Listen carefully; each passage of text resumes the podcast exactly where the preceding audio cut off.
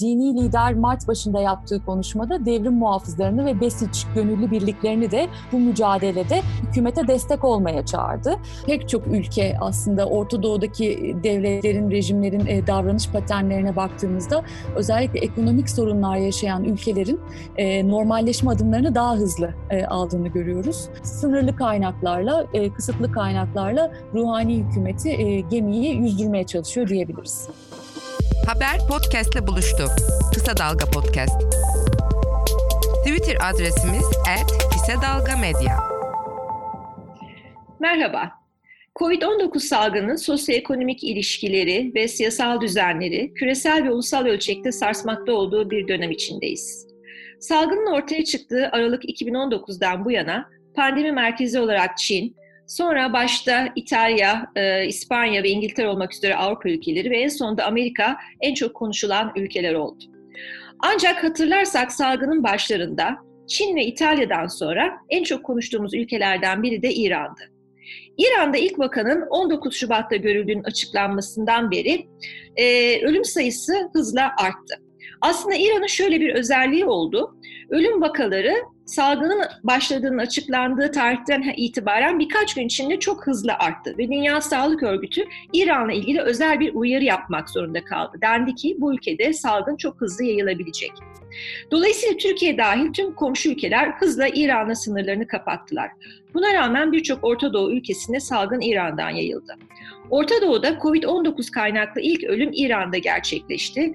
İlk defa İran'da Sağlık Bakanı ve diğer bazı devlet seçkinlerinin salgına yakalanması söz konusu oldu ve salgının ciddiyeti bütün dünyada biraz da böyle anlaşıldı. Böyle olunca da zaten yaptırımlar altında ciddi ekonomik sıkıntılar yaşayan ülke özellikle bölgesel ticarete tamamen kapandıktan sonra zor günler daha da e, yoğunlaşmaya başladı. Dünya Sağlık Örgütü'nün son verilerine göre İran'da 7500 civarında bir ölüm rakamı söz konusu. Günlük vaka sayısı da kısa bir düşüşün ardından tekrar yükselişe geçmiş görünüyor. Bugün Güliz Şen'le İran'ı konuşacağız ama sadece COVID-19 bağlamında değil. Güliz hoş geldin. Merhaba, hoş bulduk. Ee, pandemi öncesi İran'la başlayalım dedik. Çünkü İran'da 2019 e, Kasım'ından bu yana aslında son derece hareketli bir gündem vardı. 2020 yılının başında da Kasım Süleymani cinayetiyle dünya siyasetinin ortasına bir bomba düşmüştü. Ee, dolayısıyla bir yandan Trump'ın e, yaptırımları sertleştirmesi, İran üzerindeki baskıyı arttırması, diğer yandan da yine yaptırımların sertleşmesine paralel olarak İran'daki sosyoekonomik sorunların sertleşmesini, toplumsal hoşnutsuzlukların yükselmesini görmekteydik pandemiden hemen önce. E, adeta gençler sokaklardaydı, yoğun protesto gösterileri, İran siyaseti çalkalanmaktaydı. Dolayısıyla istersen pandemi öncesi İran'ı biraz hatırlayalım. Elbette. E, sizin de dediğiniz gibi e, İran'ın COVID-19 tecrübesini konuşmak için e, COVID-19 öncesinde İran'ı da biraz konuşmamız gerekiyor. Zira ülkenin bu büyük e, halk sağlığı krizine, bu büyük pandemiye verdiği verdiği reaksiyonun e, kökeninde aslında tam da pandemi öncesinde içinde bulunduğu zorlu koşullar yatıyor. E, bunun birçok ekseni var aslında. E, toplumsal ekseninden bahsedebiliriz. Tabii e, jeopolitik ve iktisadi sorunlardan bahsedebiliriz. Öncelikle jeopolitik eksenden bahsedecek olursak Donald Trump yönetiminin iş başına gelmesiyle birlikte ABD'nin İran karşıtı politikaları yeni bir ivme kazandı. Trump seçim kampanyası boyunca boyunca e, nükleer anlaşmayı e, hiç tasvip etmediğini ve e, iktidara gelir gelmez ABD'yi bu anlaşmadan çıkaracağını vaat ediyordu. Vaatlerini de aslında yerine getirdi. Mayıs 2018'de Amerika Birleşik Devletleri bu çok taraflı anlaşmadan e, çekildi. E, şu an e, ABD'nin dışında diğer imzacı ülkelerle anlaşma ağır aksak devam ediyor. Ancak bunun geleceğine dair de e, çok büyük kaygılar söz konusu. E, Trump yönetiminin bu kararının ardından yaptırım siyaseti e, sizin de dediğiniz gibi e, şiddetlendi. E, Amerika Birleşik Devletleri çok agresif bir yaptırım politikasına başlamış oldu. E, iki aşamada 2018 yılında iki aşamada bunlar gerçekleşti. Bunlardan özellikle Kasım ayında e, devreye giren ve İran'ın petrol ihracatını e, hedef alan yaptırımları ayrıca anmak gerekiyor. E, İran'ın petrol üretimini ve petrol ihracatını çok büyük ölçüde düşürdü. E, yaptırımları tasvip etmeyen ülkeler bile Amerika Birleşik Devletleri piyasasından dışlanmamak adına buna uymak durumunda kaldı. Buna Çin'i de dahil edebiliriz. Bu manada İran ekonomisi e, zor günler geçirmeye başladı ve bu maksimum baskı ya da azami baskı politikası özellikle 2019 yılında da şiddetlenmeye başladı. E, tabii 2020 yılının başında e, Kasım Süleyman ani suikastiyle birlikte İran-ABD ilişkileri arasındaki ekonomik gerilim e, bölge sattığında çok büyük ve her iki ülkeyi neredeyse savaşın eşiğine getiren başka bir evreye de geçmiş oldu. Ee, bu meselenin jeopolitik boyutunun aslında ülke içindeki e, devlet toplum ilişkilerinin en hassas e, alanı olan ekonomik e, meselelerle de yakından alakası var. Zira e, Trump e, gönülsüzce tasdik ettiği nükleer anlaşmadan tam da İran'da sosyal hareketler hızlanmaya başladığı vakit vakit e, bundan aldığı cesaretle de e, ayrılmış oldu. E, hatırlayacak olursak 2017'nin e, son günlerinde başlayan ve 2018 Ocak ayında da e, devam eden ilk şiddetli protestolar 2019 Kasım'ında da e, tekrarlandı. E, burada da yine yaptırımların etkisini görüyoruz. Zira aslında IMF'nin İran'a uzun süredir e, tavsiye ettiği sübvansiyon reformu çok hızlı bir şekilde ve çok da fazla tartışılmadan devreye sokulmuş oldu. E, böyle olunca akaryakıt fiyatlarına yansıyan e, büyük zam neticesinde e, sosyoekonomik protestolar yeniden alevlendi. O nedenle aslında İran e, pandemi kriziyle karşılaşmadan evvel hem bölge sattına yayılmış İran-ABD geriliminin e, sorunlarını yaşamaktaydı. Hem de sosyoekonomik manada e, kötüye giden ekonomi, nükleer anlaşmanın gerçekleşmemiş vaatleri e, ve beklentileri devlet toplum ilişkilerindeki fay hatlarını da derinleştiriyordu. Bundan bahsedebiliriz.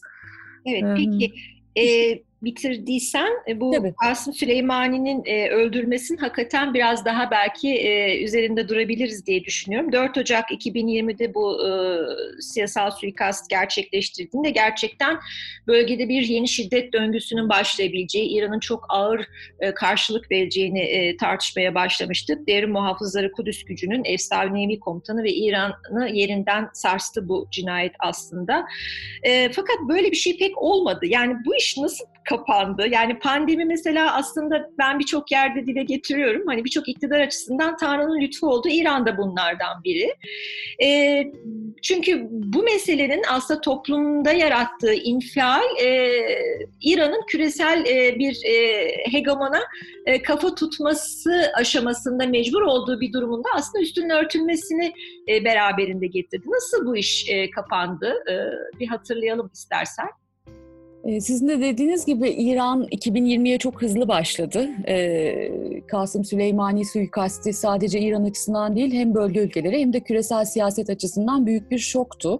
Ee, çünkü aslında İran ve ABD arasında e, üstü örtülü bir e, caydırıcılık oyunu oynanıyordu. Yani bir denge vardı e, ve tehditler olsa da açıktan bir askeri karşılaşma pek gündeme gelmemişti. Körfez'deki karşılaşmaları saymazsak. Kasım Süleymani Süleymani suikastinin ardından e, İran e, bunun e, acı intikamının mutlaka alınacağını e, ilan etti. Bunu İran'daki pek çok seçkinden e, ve devlet yetkilisinden duyduk. Zira Kasım Süleymani İran için sıradan bir figür değildi asla. E, İran'ın bölge politikalarının e, mimarıydı. E, adeta dini lider e, Hamaney'in bölgedeki elçisiydi. E, bu bakımdan belki de İran'da ikinci önemli şahıs olarak bile düşünülebilir. E, Kasım Süleymani suikastine İran'ın nasıl bir cevap vereceği meselesi e, dediğim gibi pek çok aktörü yakından ilgilendiriyordu. Çünkü bu büyük bir şiddet sarmalına yol açabilirdi. E, bu acı intikamın nasıl alınacağı meselesini aslında Kasım Süleymani'nin e, neredeyse bir haftaya yayılan e, cenaze töreni sırasında İran e, planlama imkanı buldu. E, buna yönelik İran'ın misillemesi tam da Kasım Süleymani'nin e, defnedileceği gün e, 8 Ocak tarihinde geldi. E, İran e, ABD'nin Irak'taki üslerini vurarak e, buna karşılık verdi.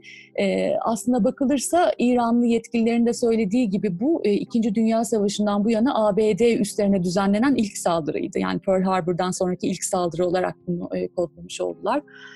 çok büyük bir askeri zayiat verilmemesi İran'ın da hedeflediği bir husustu. Zira ABD'nin karşı hamlesine yol açılmasını istemiyordu İran. Bu nedenle hem e, Süleymani'nin e, intikamının alındığı hem de e, işte e, bu intikamın alınmasının ardından e, esas intikamın uzun vadede ABD'nin e, bölgeden askeri güçlerini çekmesiyle alınacağı mesajları verildi. Burada İran içerideki beklentileri kuşkusuz yönetmek zorundaydı. Yani hani e, Süleymani'nin öldürülmesinin ardından hiçbir şey e, yapılmaması gibi bir opsiyon zaten yoktu. O nedenle bu tepkinin e, ölçülü ve çok rasyonel bir şekilde verileceği devrim muhafızları tarafından da dile getirilmişti. E, yine bunu destekleyen açıklamalar üzerinden düşünecek olursak e, Hizbullah lideri Nasrallah da hiç kimsenin aslında e, Kasım Süleymani'nin e, eşiti dengi olamayacağını söylemesi e, önemliydi. Zira İran'ın ABD ordusundan bir komutana yapacağı böyle bir misilleme doğrudan savaş nedeni olacaktı. Evet. O nedenle Amerikan üslerini ve bölgedeki Amerikan varlığını hedef alarak İran bu tepkiyi verdi. Ama tabii ki bu tepki herkesi tatmin etmekten uzak. Ancak orada da şöyle bir diskur kullanıyor. Esas tepki ve esas zafer ABD bölgeyi terk ettiğinde yaşanacak. O nedenle zamana yayılmış mücadelenin devam edeceğini ve bu bağlamda Süleymani'nin e, bir e, siyasi e, kült, bir e, ulusal kahraman kültü olarak da İran e, İran'ın siyasi hafızasında yerini aldığını söyleyebiliriz. Bizi Kısa Dalga Net ve podcast platformlarından dinleyebilirsiniz. Şimdi istersen pandemi sürecinin yönetimine gelelim. Ruhani hükümetinin pandemi sürecini ne tür stratejilerle ya da e, politikalarla e, yürüttüğüne. İlk vaka 19 e, Şubat'ta dedik duyuruldu ama ilk ölümün hemen 20 Şubat'ta gelmesiyle anlıyoruz ki çok daha önceden İran'a bu virüs ulaşmıştı. Nasıl bir strateji izlendi? Nasıl yönetildi pandemi İran'da? Başlangıçta e, İranlı yetkililer bu süreci biraz inkar ettiler ve azımsadılar. Bunu görüyoruz. Çünkü aslında e, salgının ilk ortaya çıktığı Kum kentindeki Kamkar Hastanesi'nden e, COVID-19 semptomlarını gösteren hastaların haberleri Ocak ayından itibaren gelmekteydi. Ancak e, İran'ın e, bunları teşhis, e, teşhis edecek kitleri yoktu o dönemde. Bunun yanı sıra ülkedeki siyasi konjonktür, yaklaşan parlamento seçimleri nedeniyle e, İran aslında aslında bu krizin biraz gölgede kalmasını da istedi. Çünkü e, sembolik anlamda çok fazla önem atfedilmiş parlamento seçimleri yaklaşıyordu. E, Kasım Süleymani suikastinin ardından tabii e, bir de bahsetmemiz gereken bir uçak krizi yaşandı. E, devrim muhafızları bu misillemeyi yaptıkları e, gecenin sabahında e, Tahran'dan e, Kiev'e gitmekte olan Ukrayna Hava Yolları'na ait bir sivil yolcu uçağını da yanlışlıkla düşürdüler. Ve bu aslında tam da e, Kasım 2019 protestolarının ardından devlet toplum ilişkileri yeniden ısınıyor. E, Süleymani'nin suikasti e, halk ve devleti yeniden bir araya getiriyor e, analizleri yapılırken e, yeni bir yara açtı evet. ilişkilerde. Bunun üzerine o e, parlamento seçimlerinin çok daha önem e, önem kazandığını görüyoruz. Çünkü e, halkın sandığa gitmesi, e, yeniden işte e, rejime destek olduğunu göstermesi bakımından önemliydi. E, o nedenle İran'ın özellikle pandemiyle mücadelesinin bu seçimler yapıldıktan sonra hızlandığını görüyoruz. Ee, öncelikle inkar edildi ama daha sonra vakaların sizin de dediğiniz gibi hızla yayılmasının ardından hükümet e, bir dizi tedbir almak zorunda kaldı. Ee, özellikle e, okullar ve üniversiteler bir an evvel tatil edildi. Mart ayı içinde e, ibadetler e, iptal edildi. E, namazlar, cuma namazları iptal edildi. Pek çok spor e, müsabakası ve kültürel faaliyetler iptal edildi. E, bu süreç içinde e, ruhani hükümeti e, yetkililer e, İran'da ne Kum kentini ne de salgının yine çok hızla yayıldığı Gilan ve Tahran gibi e, belgeleri, e, illeri karantinaya e, almak istemedi, almadı. Bu bir politika olarak benimsenmedi.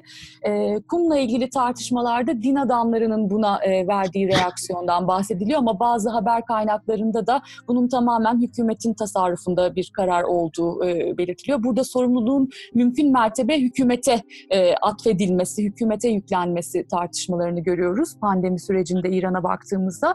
Elbette büyük bir mücadele başladı. E, burada belki biraz İran'daki sağlık sektöründen de bahsetmek gerekiyor. E, 1979 sonrasında e, sosyal devlet politikalarının benimsenmesiyle birlikte özellikle e, kentlerdeki yoksul kesimlere ve kırsala e, önemli ölçüde sağlık ve altyapı yatırımı yapıldı. Sağlık klinikleri açıldı, büyük bir seferberlik başlatıldı.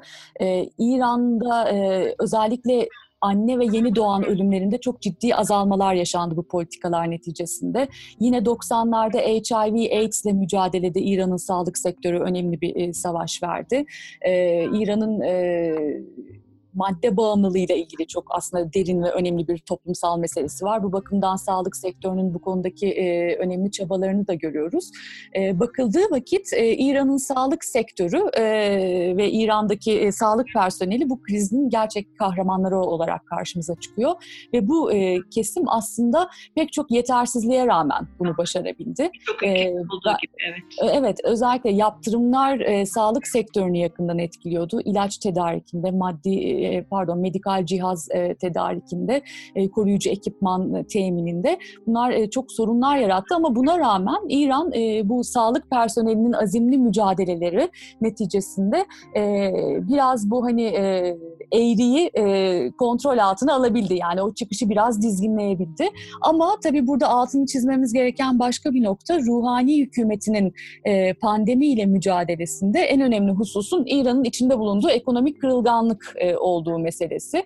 Ee, az önce yaptırımlardan bahsetmiştim. Bunlar buzdağının görünen yüzü. Yani hani sağlık sektöründeki işte e, materyal temininde yaşanan sorunlar ama esas sorun yani yaptırımların en büyük etkisi İran'ın henüz hazır olmadığı bir dönemde e, tırnak içinde normale dönüş sürecine girmesi oldu. Çünkü e, karantinaların uygulanamamasında ya da alınamamasında dahi e, bu etkiliydi. Çünkü e, insanlar eve kapatıldığında onları besleyecek ekonomik imkanlar yoktu. Bunu Tahran Belediye Başkanı da çok açık bir şekilde dile getirdi. E, o nedenle ruhani hükümetinin karantina ile müca- e, pardon e, Covid-19 ile mücadelesinde karşımıza ekonomik kırılganlığın çok önemli bir faktör olarak çıktığını görüyoruz. E, uluslararası faktörlerin de buna çok yardım ettiğini söyleyemeyiz. İran'ın evet. bu noktada e, bazı beklentileri beklentileri vardı. Kredi talepleri yine ABD engeline takıldı. Başka bir hususta e, bu mücadele sürecinde e, mümkün mertebe devrim muhafızlarına alan açmadan meseleyi sivil yöntemlerle yürütme arayışı oldu. Çünkü e, dini lider Mart başında yaptığı konuşmada devrim muhafızlarını ve Besic gönüllü birliklerini de bu mücadelede hükümete destek olmaya çağırdı. E, hatta yine Mart ayında yapılan e, açıklamada e, İran Genelkurmay Başkanı Bagheri e, dedi ki e, biz 24 saat içinde tüm sokakları boşaltacağız, herkesi evine göndereceğiz ama ruhani hükümeti buna izin vermedi. Çünkü bu e, adeta bir askeri yönetim ilanı gibi olacaktı. Yani kontrolün askere geçmesini hiçbir şekilde istemedi. Bu siyasi kısıtlar, kaygılar artı ekonomik sorunlarla bu mücadeleyi e, yürütmek zorunda kaldı. Nitekim 11 e, Nisan'dan itibaren de ülkeyi çok da hazır olmadığı bir normale dönüş sürecine açmak zorunda kaldı. Haber podcastle buluştu. Kısa Dalga yayında. Bizi Kısa Dalga Net ve podcast platformlarından dinleyebilirsiniz.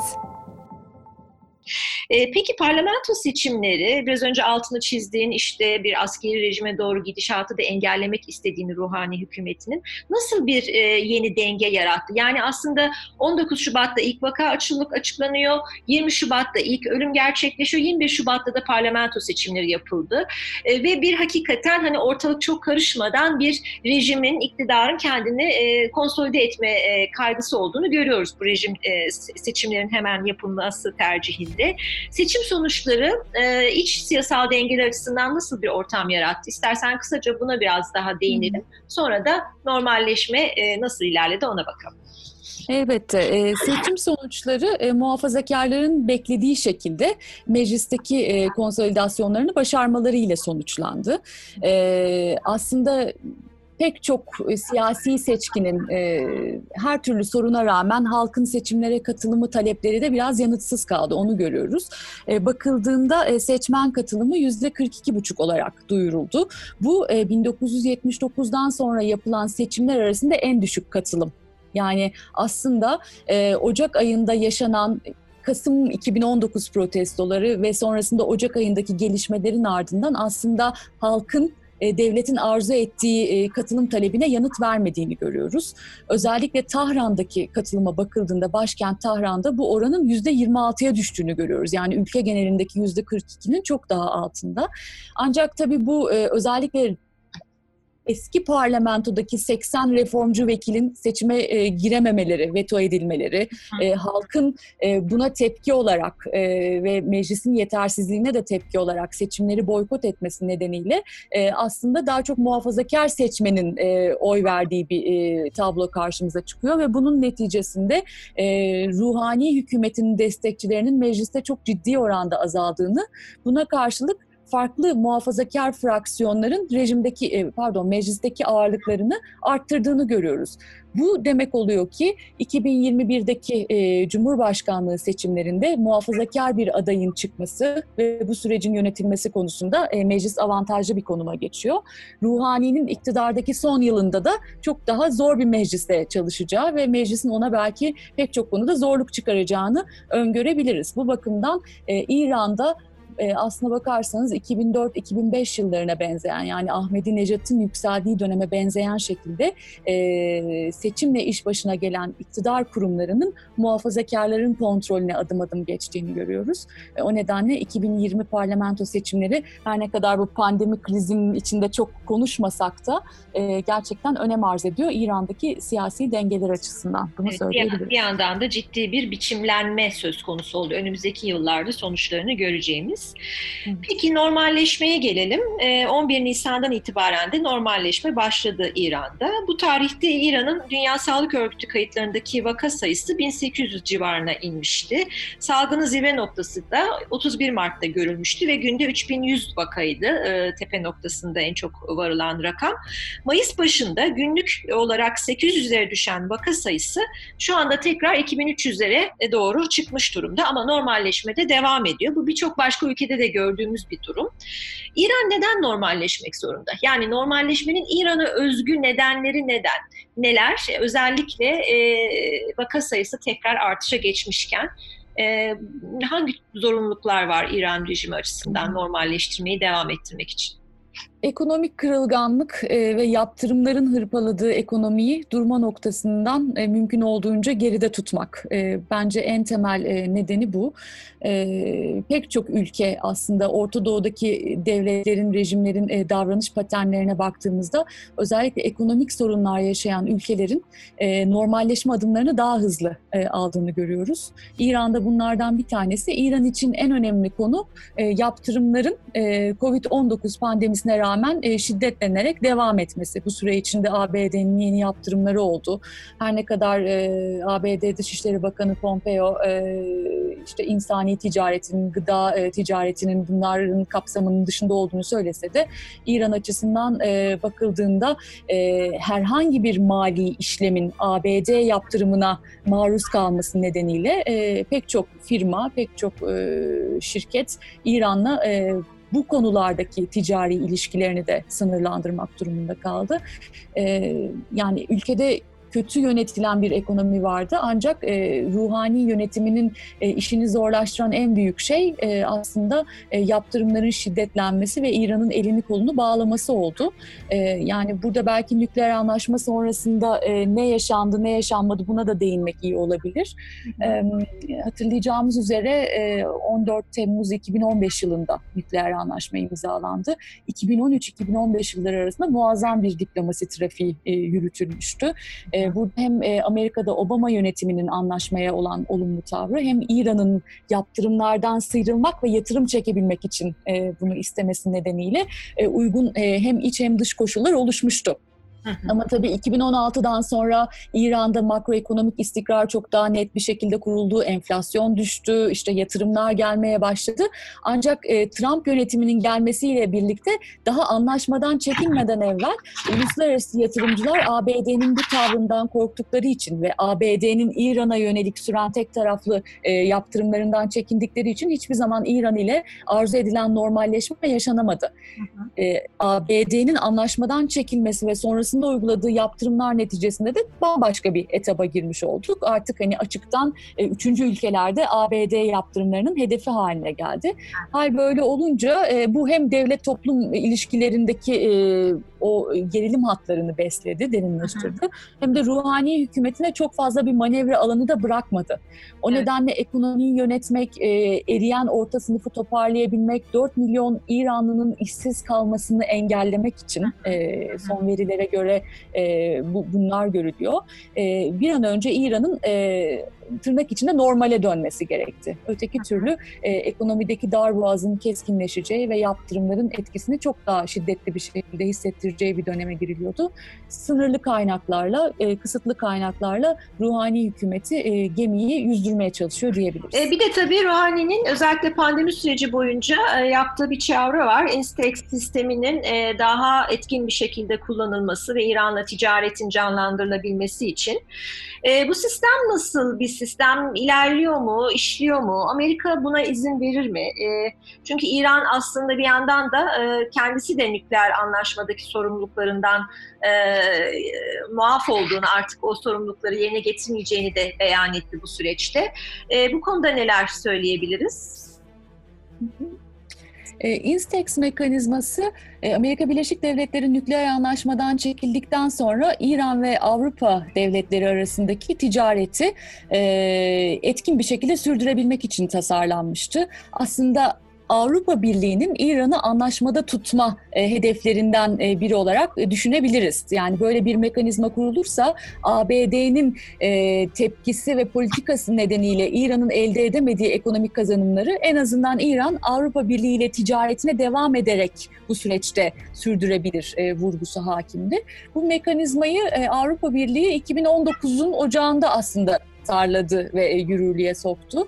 E, aynı şekilde e, İran'da da benzer bir mekanizma kuruldu. Yani Instex'in hem Avrupa Birliği finansal enstrümanı kurulmuş oldu hem İran cephesinde bu kuruldu. Ancak bu kanal doğru düzgün hiçbir şekilde işlemedi ta ki e, 31 Mart 2020 tarihine kadar.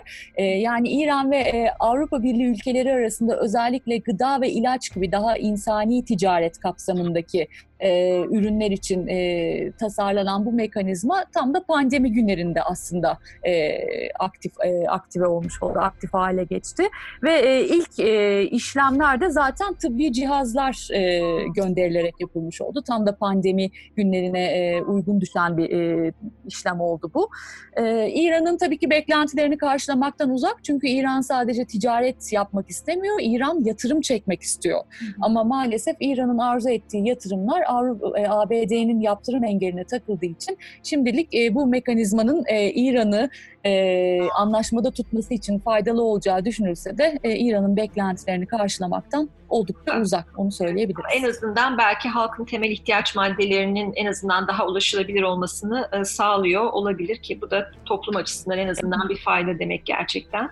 Tabii. Peki e, son olarak şöyle bir soruyla bitirelim istersen. Şimdi tüm dünyada önümüzdeki yaz sonu ve sonbaharda ikinci hatta üçüncü dal bir dalganın ortaya çıkabileceğini salgında söz ediliyor ki ben birinci dalganın bittiğini neden düşünüldüğünü bir türlü anlayamıyorum. yani Birçok ülkede hem bulaş oranı hem e, vaka sayılarındaki artış normalleşmeyle birlikte e, artış eğilimi başladı ve bunun da yükseleceğini e, öngören birçok uzman var. Diyelim ki böyle yeni dalgalarla karşılaştık ya da beklenmedik bir şekilde şiddet salgın ve e, salgın şiddetini ve e, hızını yitirdi. Her durumda İç ve dış siyaset açısından İran'ı nasıl e, bir e, gündem bekliyor? Yani İran siyasetinde önümüzdeki günlerde e, ne tür konular gündeme gelecek? İstersen kısaca böyle bir önümüzdeki süreçten bahsedelim. Tabii iç siyaset açısından düşünecek olursak elbette en önemli e, konu başlıklarından bir tanesi ekonominin seyri olacak. E, ekonomi pandemi sürecinden de e, ağır yaralar alarak çıkacağı için mevcut ekonomik krizin e, derinleşeceğini öngörebiliriz. E, bu bağlamda e, hani konuşma sırasında hep bahsettiğimiz üzere uluslararası dinamiklerin de çok da yardımcı olduğunu söyleyemiyoruz. Bu nedenle İran'da kim iktidarda olursa olsun çok büyük ekonomik meselelerle uğraşacağı aşikar. Onun dışında yine 2020 2021 yılında bu sefer e, Cumhurbaşkanlığı seçimleri yapılacak. E, bu Cumhurbaşkanlığı seçimlerinde yine e, halkın seçimlere katılım oranı, e, muhafazakar bir adayın e, kazanması durumunda İran dış politikasında daha şahin bir anlayışın, e, diyalogdan ziyade daha çatışmacı bir dilin ve politikanın egemen olup olmayacağı meselesi var. E, bunlar e, iç siyaset açısından e, önemli gelişmeler. E, dış politika tabii iç siyasetle yakından alakadar. Dış politikadaki meseleler ne diyecek olursak nükleer anlaşmanın geleceği.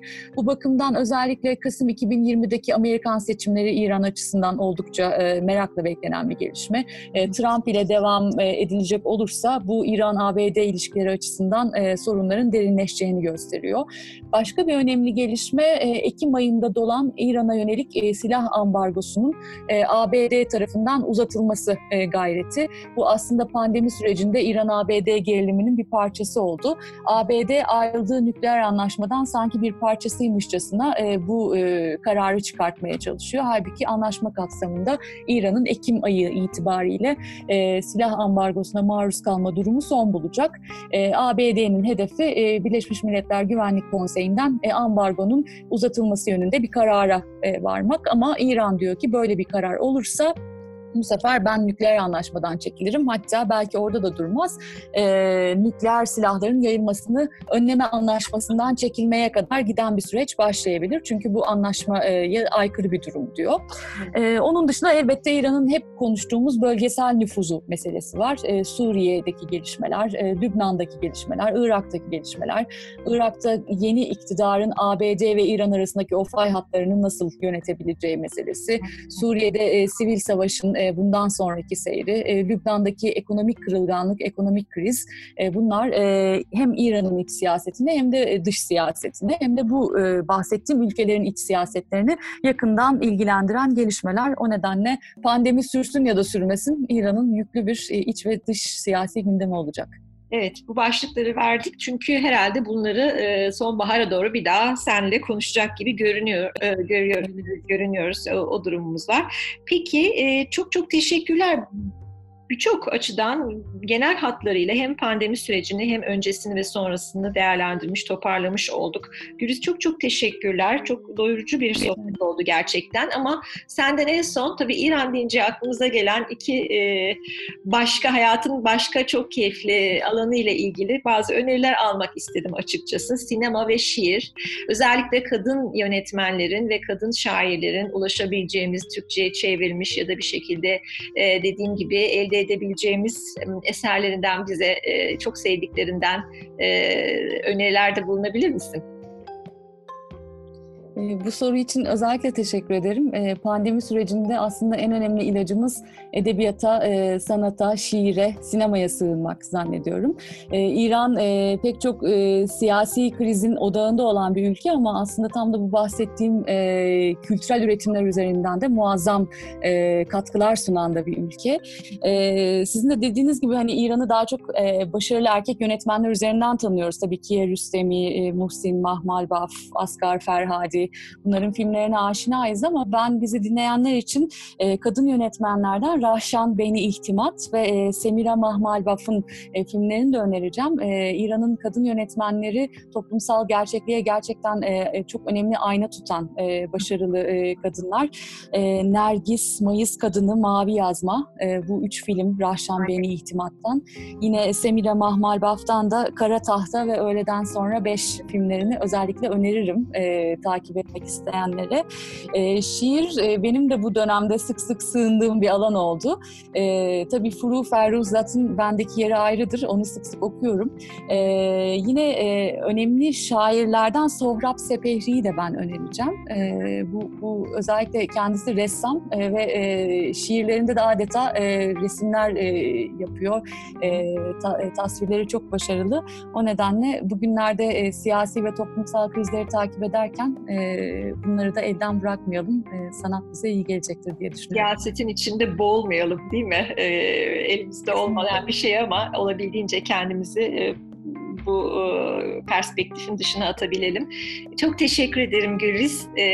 Umut ediyorum daha iyi, daha olumlu bir konuşma yapabiliriz İran'la ilgili bir gün. E, görüşmek üzere. Rica ediyorum. Tekrar. Çok keyifli bir söyleşiydi benim için de. Çok teşekkürler. Çok sağ olun. Hayata kulak ver. Kulağını sokağa aç. Haberi duy. Haber podcastle buluştu. Kısa Dalga Podcast.